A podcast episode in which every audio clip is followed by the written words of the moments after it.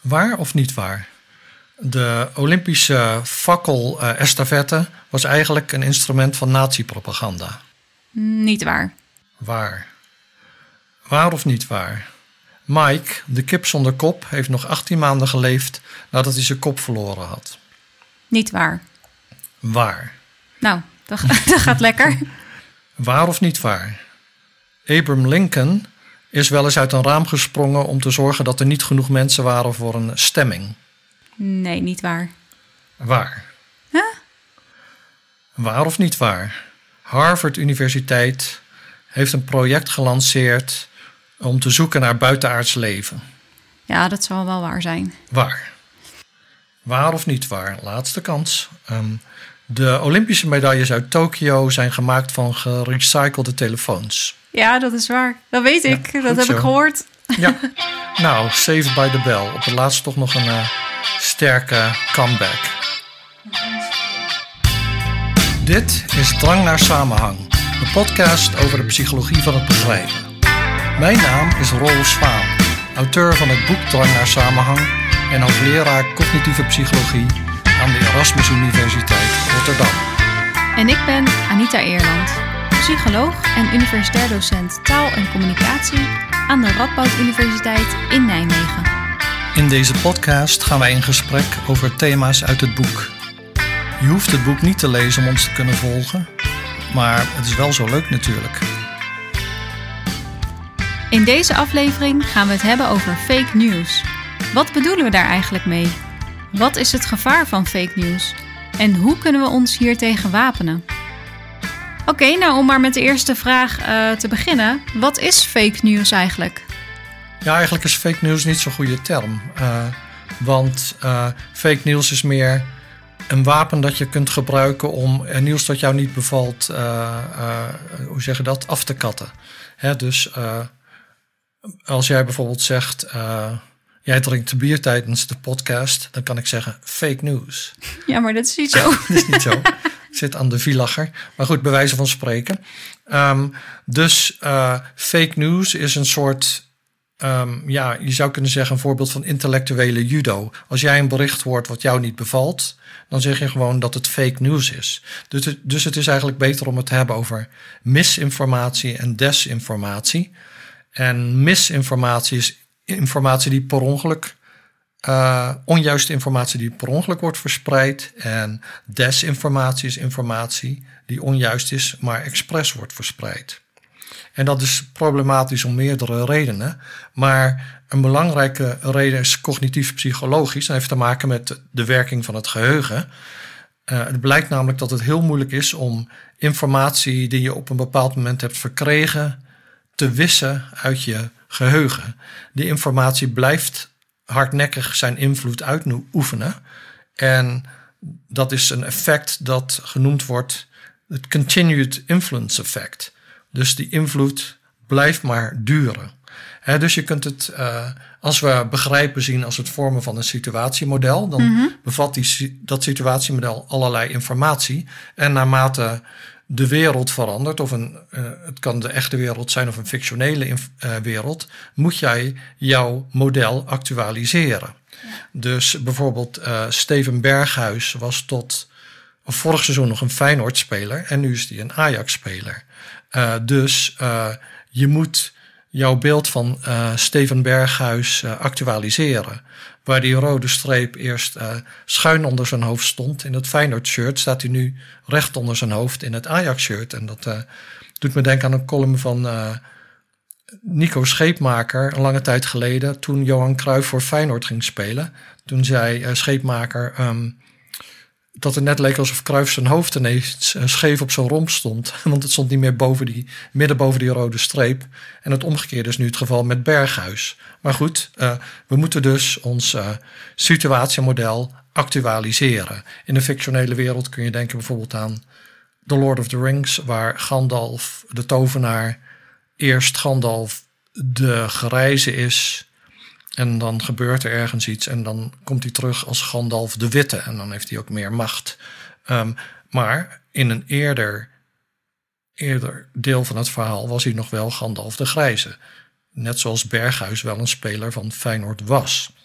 Ja, dus de voorbeelden die je nu geeft, dat zijn voorbeelden waarbij uh, juiste informatie op een bepaald moment moet worden overschreven met juiste informatie op een ander moment. Dus de, de situatie is veranderd, maar is in beide gevallen wel, uh, was in beide gevallen wel waar op een bepaald moment uh, ja. in de tijd. dus Berghuis speelde eerst voor Feyenoord en nu voor Ajax. Ja. Um, maar wat je eerder zei was eigenlijk met onjuiste informatie, dat dat heel moeilijk is als je ja. dus eerst in iets gelooft wat niet juist is. Is dat dan moeilijker om dat Dat is moeilijker, want dat is eigenlijk een ingrijpendere verandering. Hè? In het ene geval moet je uh, je situatiemodel actualiseren, maar die oude informatie is niet onjuist. Hij is alleen nu niet meer geldig. Um, met misinformatie en desinformatie dus met onjuiste informatie, is het zo dat die informatie nooit waar was. Dus uh, je moet hem eigenlijk helemaal niet meer in je geheugen hebben. Je zou die informatie moeten wissen, net zo goed als je in een tekstbestand uh, die tekst kunt wissen. Maar dat kan nou eenmaal helemaal niet gemakkelijk. Die informatie blijft eigenlijk altijd een rol spelen. En dat is het, uh, dus het continued influence effect.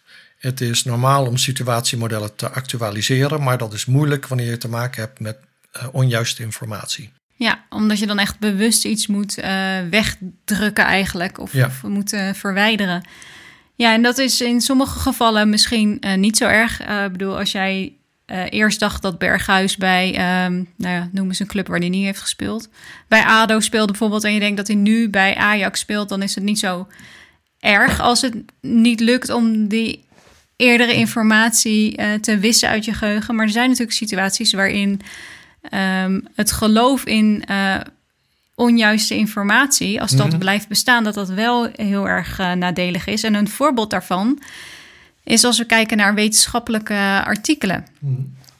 Dus er zijn um, ja, met enige regelmaat artikelen die worden teruggetrokken. Dus waarvan mensen zeggen: ja, we hebben eigenlijk niet zoveel vertrouwen in de uitkomsten van dit onderzoek.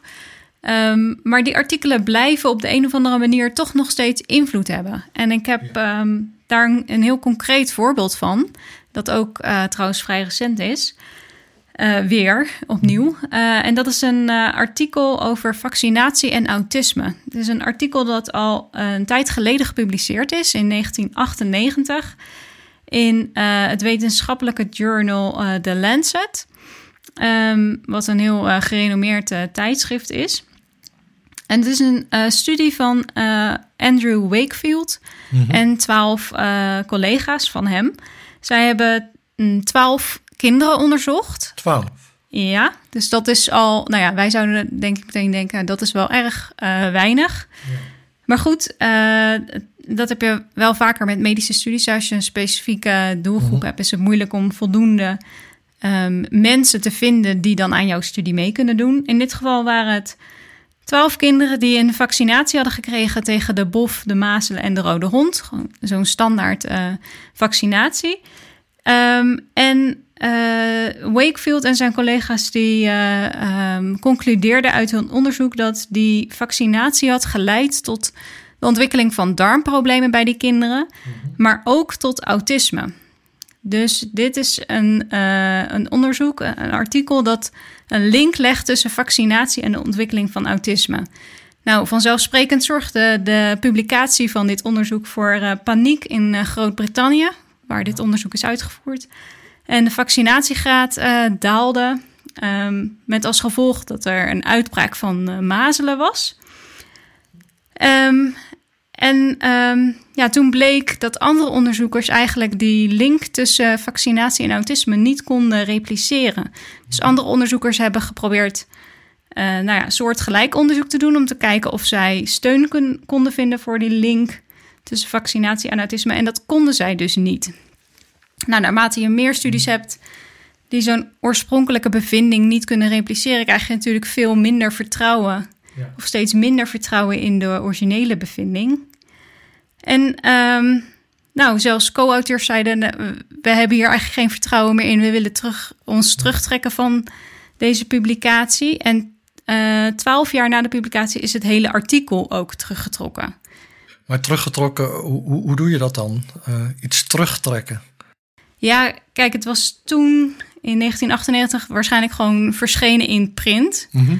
Ehm, en eh, dat kun je dus niet meer terugtrekken, die, eh, die oplagen. Nee, want ik neem niet aan dat, eh, dat dan allerlei bibliothecarissen van universiteitsbibliotheken die artikelen uit gebonden edities gaan scheuren. Ja. Nee, nee ja, dat kan dus niet. Het enige wat je kunt doen is als mensen nu opnieuw op zoek gaan naar dat artikel online. ehm, en, en je komt op die pagina, dan staat er heel groot eh, zo'n waarschuwing eh, over je scherm van eh, dat het artikel teruggetrokken is. Mhm. Dus als je het nu opnieuw opzoekt, dan krijg je die, eh, die informatie wel. Maar als jij al een kopie hebt liggen ergens in je la, of je gaat inderdaad naar de bibliotheek, dan vind je die waarschuwing niet. Ehm, en ja, het blijkt ook dat teruggetrokken artikelen nog steeds heel veel geciteerd worden. Dus je kunt. ehm, ik weet, ik heb niet de cijfers eh, paraat van, eh, eh, van dit specifieke artikel. Maar je hebt wel een website, Retraction Watch heet dat. Ik zal de Ja. link in de show notes zetten. En dat is een website dat, eigenlijk begon als een eh, ehm, blog over wetenschappelijke artikelen die zijn teruggetrokken. En, en via die website kun je een, soort, een database openen, waarin je kunt zien welke artikelen allemaal zijn teruggetrokken. En je kunt via de website ook zien eh, van de, ja, je kunt er de top 10 zien van teruggetrokken artikelen die nog steeds worden geciteerd. ja, ja. En ik dacht, nou, ik ga voor de grap eens even kijken wat voor soort artikelen dat zijn. En dat zijn heel vaak artikelen ehm, ja, binnen de geneeskunde. Ehm, het artikel dat nog het meest geciteerd is, eh, is na terugtrekking nog 1200 keer bijna geciteerd. En dat ging over iets met insuline. Dus je kan je voorstellen als zulk soort onjuiste informatie rondzinkt. En als mensen, eh, andere onderzoekers, eh, dat nog steeds gebruiken, dat dat heel kwalijke gevolgen kan hebben. Ja, ja, je krijgt dan eigenlijk wat ze noemen zombie-artikelen. Eh, of eigenlijk zombie-bevindingen. Hè. Er marcheert een heel leger van zombie-bevindingen door de wetenschappelijke literatuur en daarbuiten. Want eh, als iets teruggetrokken is, ja, zoals we al zagen, dan staat het nog steeds in de gedrukte versie van het tijdschrift. Online staat er dan met de rode letters doorheen retracted. Maar ehm, als jij dat artikel al eerder had gedownload of eh, een uitdraai daarvan hebt, fotokopieën, dan zie je dat dus niet. Nee, en, dat klopt. ehm, en als jij ehm, dan dat artikel citeert in een krantenartikel, dan lezen andere mensen dat als eh, zijnde een, een wetenschappelijke bevinding. En zo zie je dus dat naast dat continued influence effect, hè, wat een cognitief effect is, zijn er ook meer sociale factoren die de hardnekkigheid van onjuiste informatie eh, versterken. Dus eh, als een krant bijvoorbeeld een bericht heeft wat een beetje ingaat tegen de verwachtingen en zo, dan hebben ze meestal hele grote koppen, chocoladeletters. En als dan blijkt dat het niet waar was, dan staat er een week later op pagina 3 onderaan ergens een eh, rectificatie.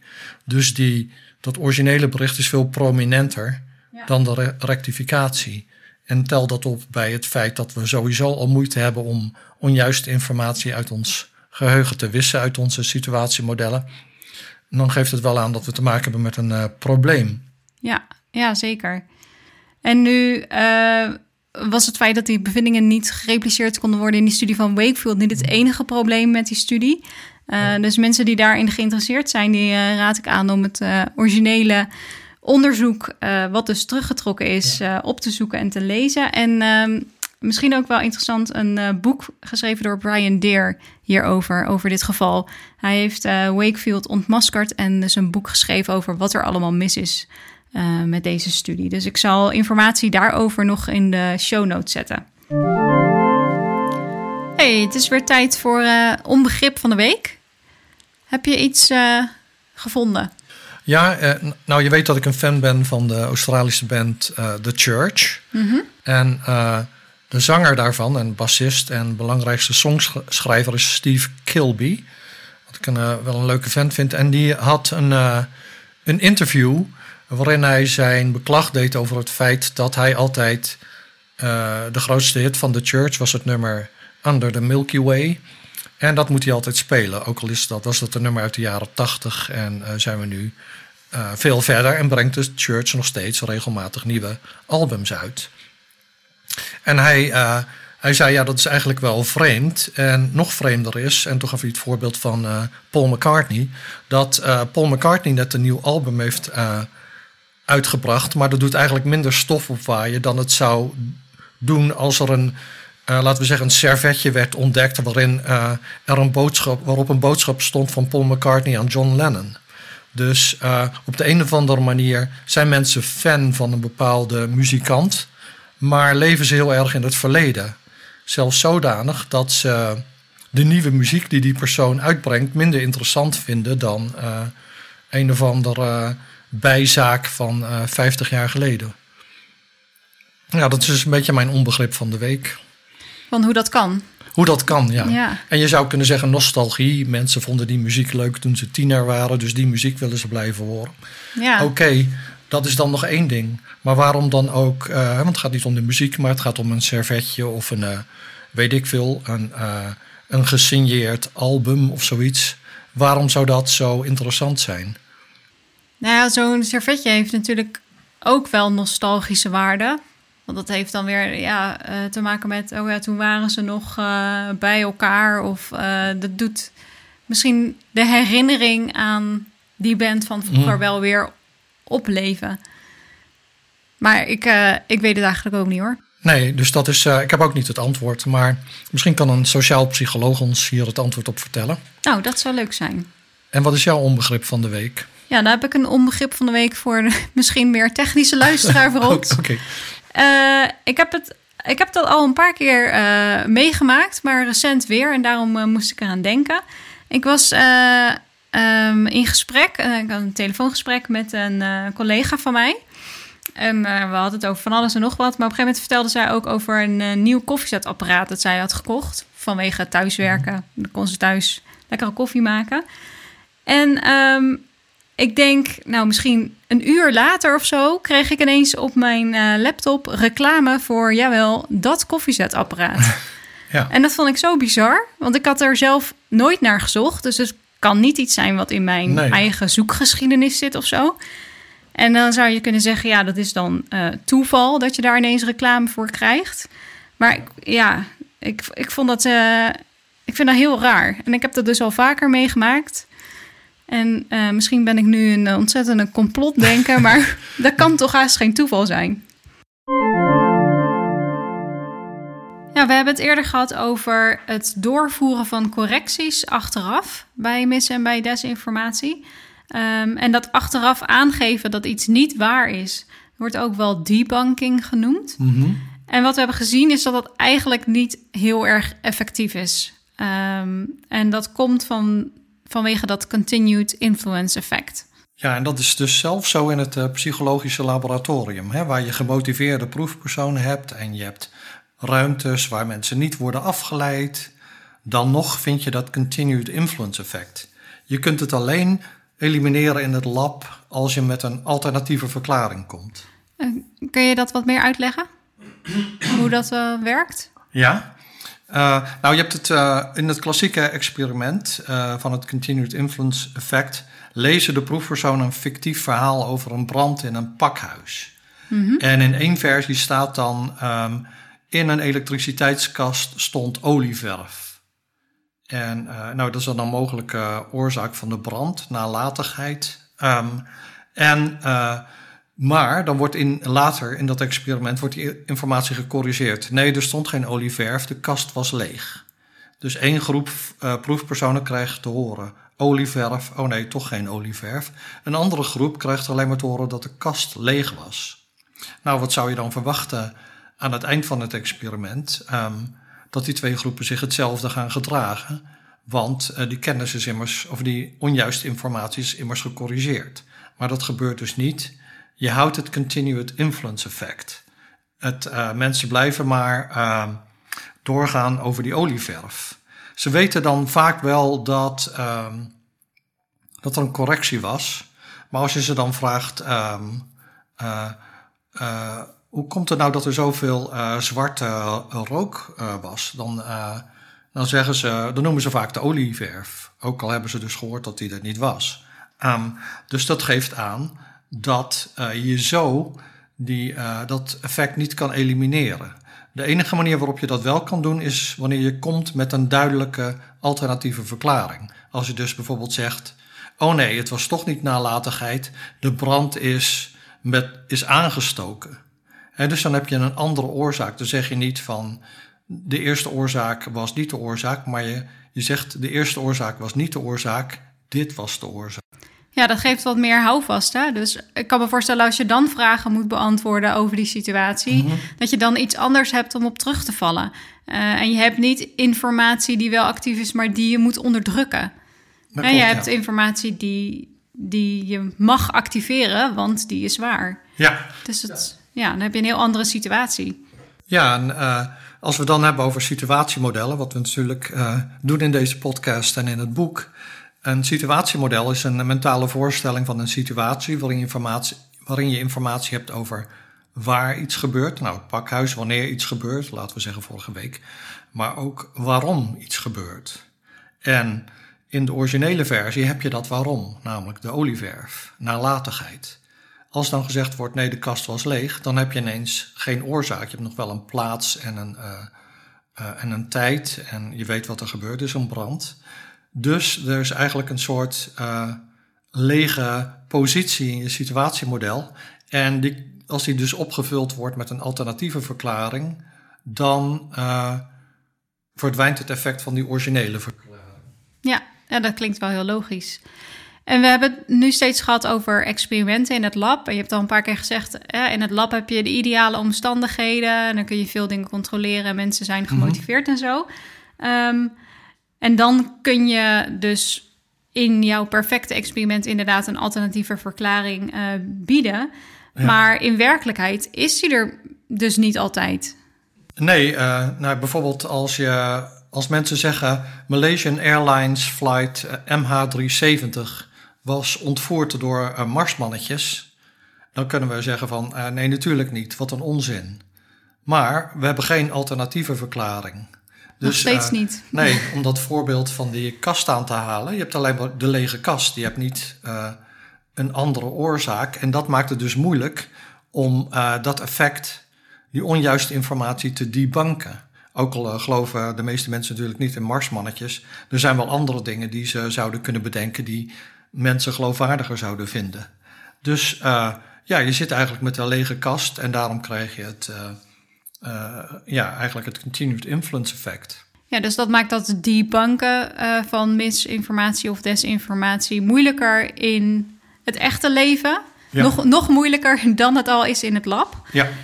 Um, en nou ja, dus debunking uh, werkt niet echt goed. Maar zijn er dan misschien andere dingen die we wel kunnen doen die uh, mogelijk zouden helpen? Nou, je hebt dus niet alleen debunking, je hebt ook prebunking.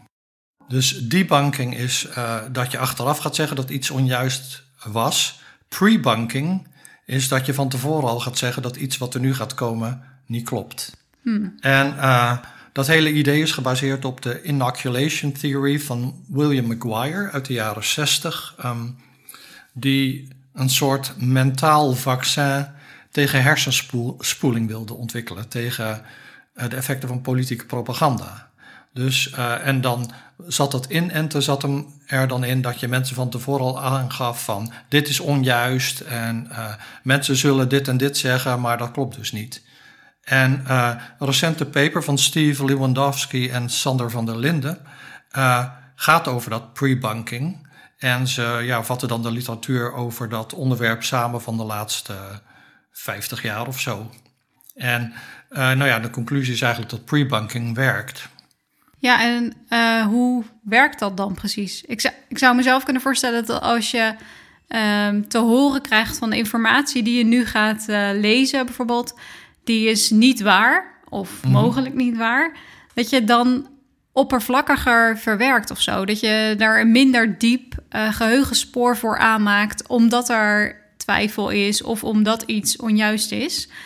Dus ja, dat je het ja. wel minder diep verwerkt. Is dat zo? Of ja, het op een zet, andere manier? Ja, je zet het als het ware mentaal tussen haakjes. En uh, Eh, in, dat, uh, in die literatuur over pre-banking zeggen ze dat er dan twee stappen zijn. De eerste stap is de waarschuwing van... hé, hey, pas op, uh, wat je nu gaat horen is onjuist. En dat maakt mensen dus alert. Mm-hmm. Dat activeert hun afweersysteem. En dan, daarna geef je dan informatie van, van wat ze te horen gaan krijgen van. Die, hè, die mensen gaan je dit en dat vertellen, maar dat klopt dus niet om die en die redenen. Um, en dat hebben ze ook getest in een experiment, andere onderzoekers. Um, en dat ging dan over vaccinatie. En één groep proefpersonen kreeg een, vanuit een anti-complotdenkperspectief... kregen zij te horen van... straks krijg je argumenten van complotdenkers tegen vaccinatie. Maar die argumenten zijn dus onjuist. En daarna kregen ze die argumenten uh, te zien. Dus ze kregen eerst te horen van dit en dat gaan ze ongeveer beargumenteren, maar dat is onjuist en dan kregen die argumenten. Dat is dus pre-bunking.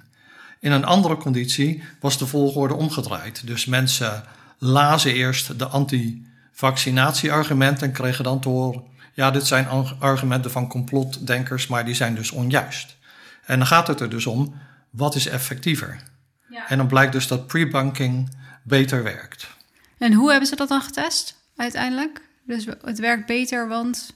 Uh, nou, dan, dan gaan ze kijken van in hoeverre worden die mensen nog beïnvloed door ah, die onjuiste informatie. Dus uh, in hoeverre noemen ze die nog of uh, vinden ze die nog geloofwaardig. En dan blijkt dat bij pre-banking is het effect minimaal of is er niet. En bij debunking is het er nog wel. Net zoals bij die lege kast.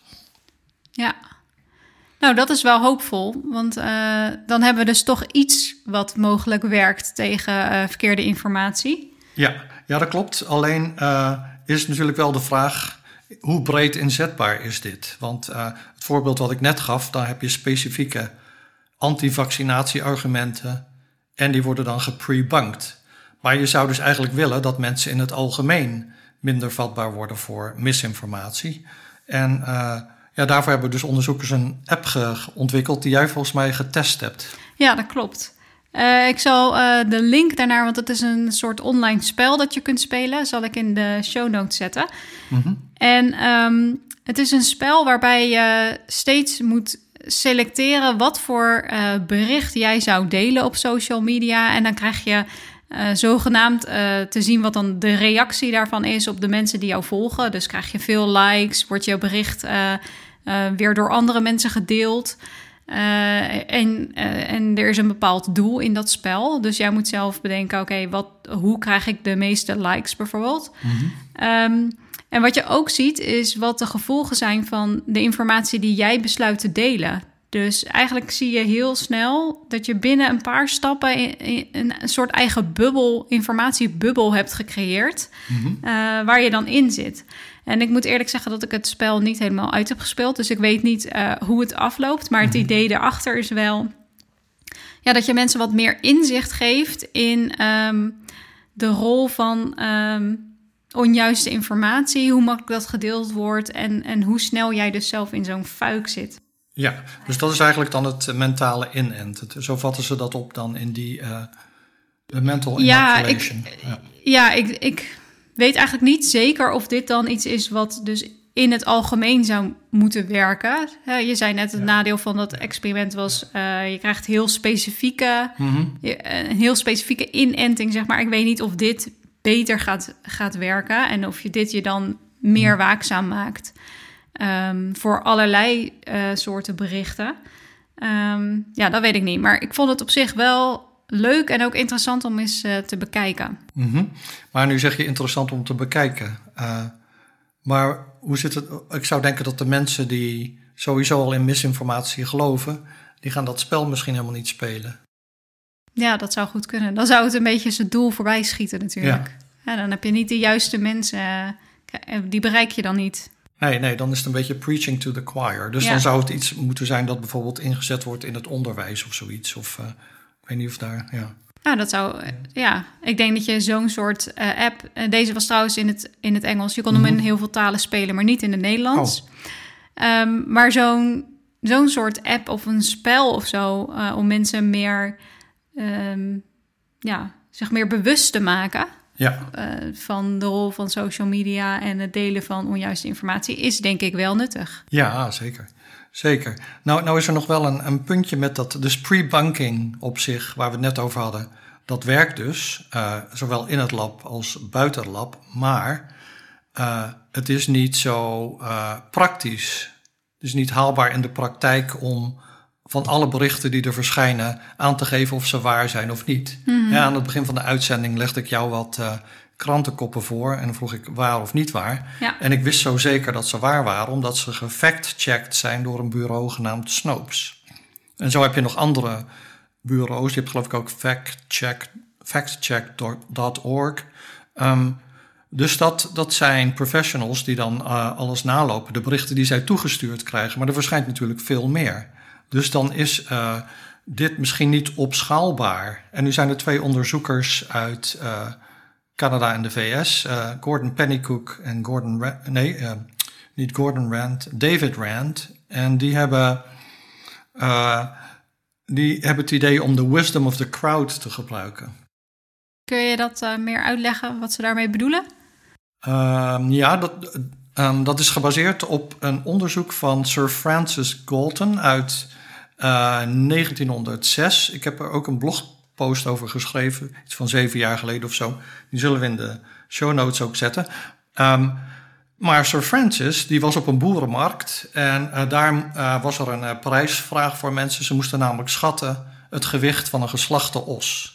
voor ons vegetariërs niet echt een leuke taak. Maar goed, dit was 1906. Dus al die boerenburgers en bui buitenlui, die, nou, die schatten dat gewicht. En individuen zitten natuurlijk verschrikkelijk naast. Maar wat Sir Francis deed, is hij legde al die schattingen achter elkaar, van laag naar hoog. En toen nam hij de middelste, de mediaan mm -hmm. heet dat. En die schatting die zat, maar, die zat minder dan 1% van het echte gewicht van de geslachte os af. Dus dat is dan de wisdom of the crowd. Individuen zijn niet wijs, maar als je ze allemaal bij elkaar neemt, dan krijg je wijsheid. Dat is het ah. beetje het idee. En, en dat idee hebben Pennycook en Rand toegepast op het beoordelen van uh, headlines. Um, dus zij namen een groep van duizend mensen, of 1100 zoveel, geloof ik. En die moesten een, een, een setje headlines beoordelen. Niet alleen de headline, maar ook de eerste regel de lead van een uh, krantenartikel. En dus net zoals ik dus zeg of ze... Ja, hoe waar, waar het was, geloof ik, op een schaal van 1 tot 7 of zo. Um, en toen namen ze, de onderzoekers, het gemiddelde van die duizend mensen. Voor elk krantenbericht. Dus je hebt voor elke krant, elk krantenbericht dan een bepaalde waarde. Laten we zeggen een score op een schaal van 1 tot 7. En die hebben ze naast de scores gelegd die toegekend waren door een professioneel fact-check-bureau, zoiets als uh, Snopes of uh, FactCheck. En wat ze vonden was dat, uh, dat die scores heel vergelijkbaar waren. Dus wat de leken als groep hadden gedaan, was heel vergelijkbaar met wat de experts als groep hadden gedaan. En in feite was de gemiddelde score van de leken, die leek evenveel op dat van de, de gemiddelde score van de experts, als dat de experts onderling op elkaar leken. Dus dat is dan vrij positief nieuws. Want dat geeft aan dat, ja, misschien heb je, uh, laten we zeggen, voor de meeste berichten niet zo'n professioneel bureau nodig dat dingen gaat nalopen. Je kunt gewoon uh, um, duizend mensen hun boerenverstand laten gebruiken en dan heb je al een vrij goede indicatie. Uh, dat is in ieder geval de suggestie die gewekt wordt door uh, Pennycook en Rand. En dat zou wel een manier zijn om dat pre-bunking dus op te schalen. Ja. Zodat je dan uh, bij elk bericht kunt hebben van uh, waarschijnlijk niet waar of wees voorzichtig, et cetera. Ja, dat is op zich wel een mooie manier om in ieder geval van meer berichten te kunnen zeggen in hoeverre ze waar zijn of niet waar. Ja. En nadeel is natuurlijk wel dat je dat pas kan doen op het moment dat zo'n bericht uit is. Dat klopt, en dan ja. hebben, me, hebben sommige mensen het misschien al uh, gelezen. Ja, dat klopt, want onjuiste informatie verspreidt zich razendsnel over het internet. Vooral ook omdat die informatie vaak contra-intuïtief is. Dus mensen vinden het interessant om dat te delen, om die te delen, die informatie. En ja, het gezegd is geloof ik, al is de leugen nog zo snel, de waarheid achterhaalt haar wel. Maar dat is hier een beetje de vraag inderdaad, omdat die leugen zich zo snel verspreidt dat je er toch altijd een beetje achteraan hobbelt met je fact checken. Aan de Ja. andere kant is het natuurlijk zo dat dat geldt alleen voor de mensen die, hoe zeg je dat, in de frontlinie zitten. Hè? Dus die op Twitter zien, zitten en alles meteen zien. Maar laten we zeggen, als het al eh, nou ja, een uurtje later is gecorrigeerd, dan heb je natuurlijk heel veel mensen die dan pas dat bericht zien. Eh, dus op zich denk ik dat het dit nog wel een mogelijkheid zou kunnen zijn om de impact van eh, onjuiste informatie te, eh, te verlagen. Nou, dan eindigen we toch nog op een redelijk positieve noot. Ja, dus we hebben het vandaag gehad over fake news en waarom dat geen goede term is. Waarom het beter is om te spreken van onjuiste informatie. Als die met opzet wordt verspreid, is het desinformatie. Wordt die per ongeluk verspreid, dan is het misinformatie. En die onjuiste informatie is problematisch als we het geheugen in ogenschouw nemen, want het blijkt namelijk onmogelijk, bijna onmogelijk, om onjuiste informatie te ver- verwijderen uit je geheugen. Dus als je informatie achteraf als onjuist bestempelt, debunking, dan werkt dat bijna nooit. Bestempel je in- informatie van tevoren als onjuist, dan werkt dat wel. Dus dat is pre-bunking. Maar pre-bunking is eh, misschien niet zo praktisch, want je kunt niet fact-checks bureaus hebben die alle berichten gaan checken. Maar wanneer je gebruik zou kunnen maken van grote groepen leken, dan is een gemiddelde oordeel over het waarheidsgehalte van een eh, krantenbericht te vergelijken met dat van experts. Vond je dit een leuke podcast en wil je geen aflevering missen? Abonneer je dan. Behoefte aan meer drang naar samenhang?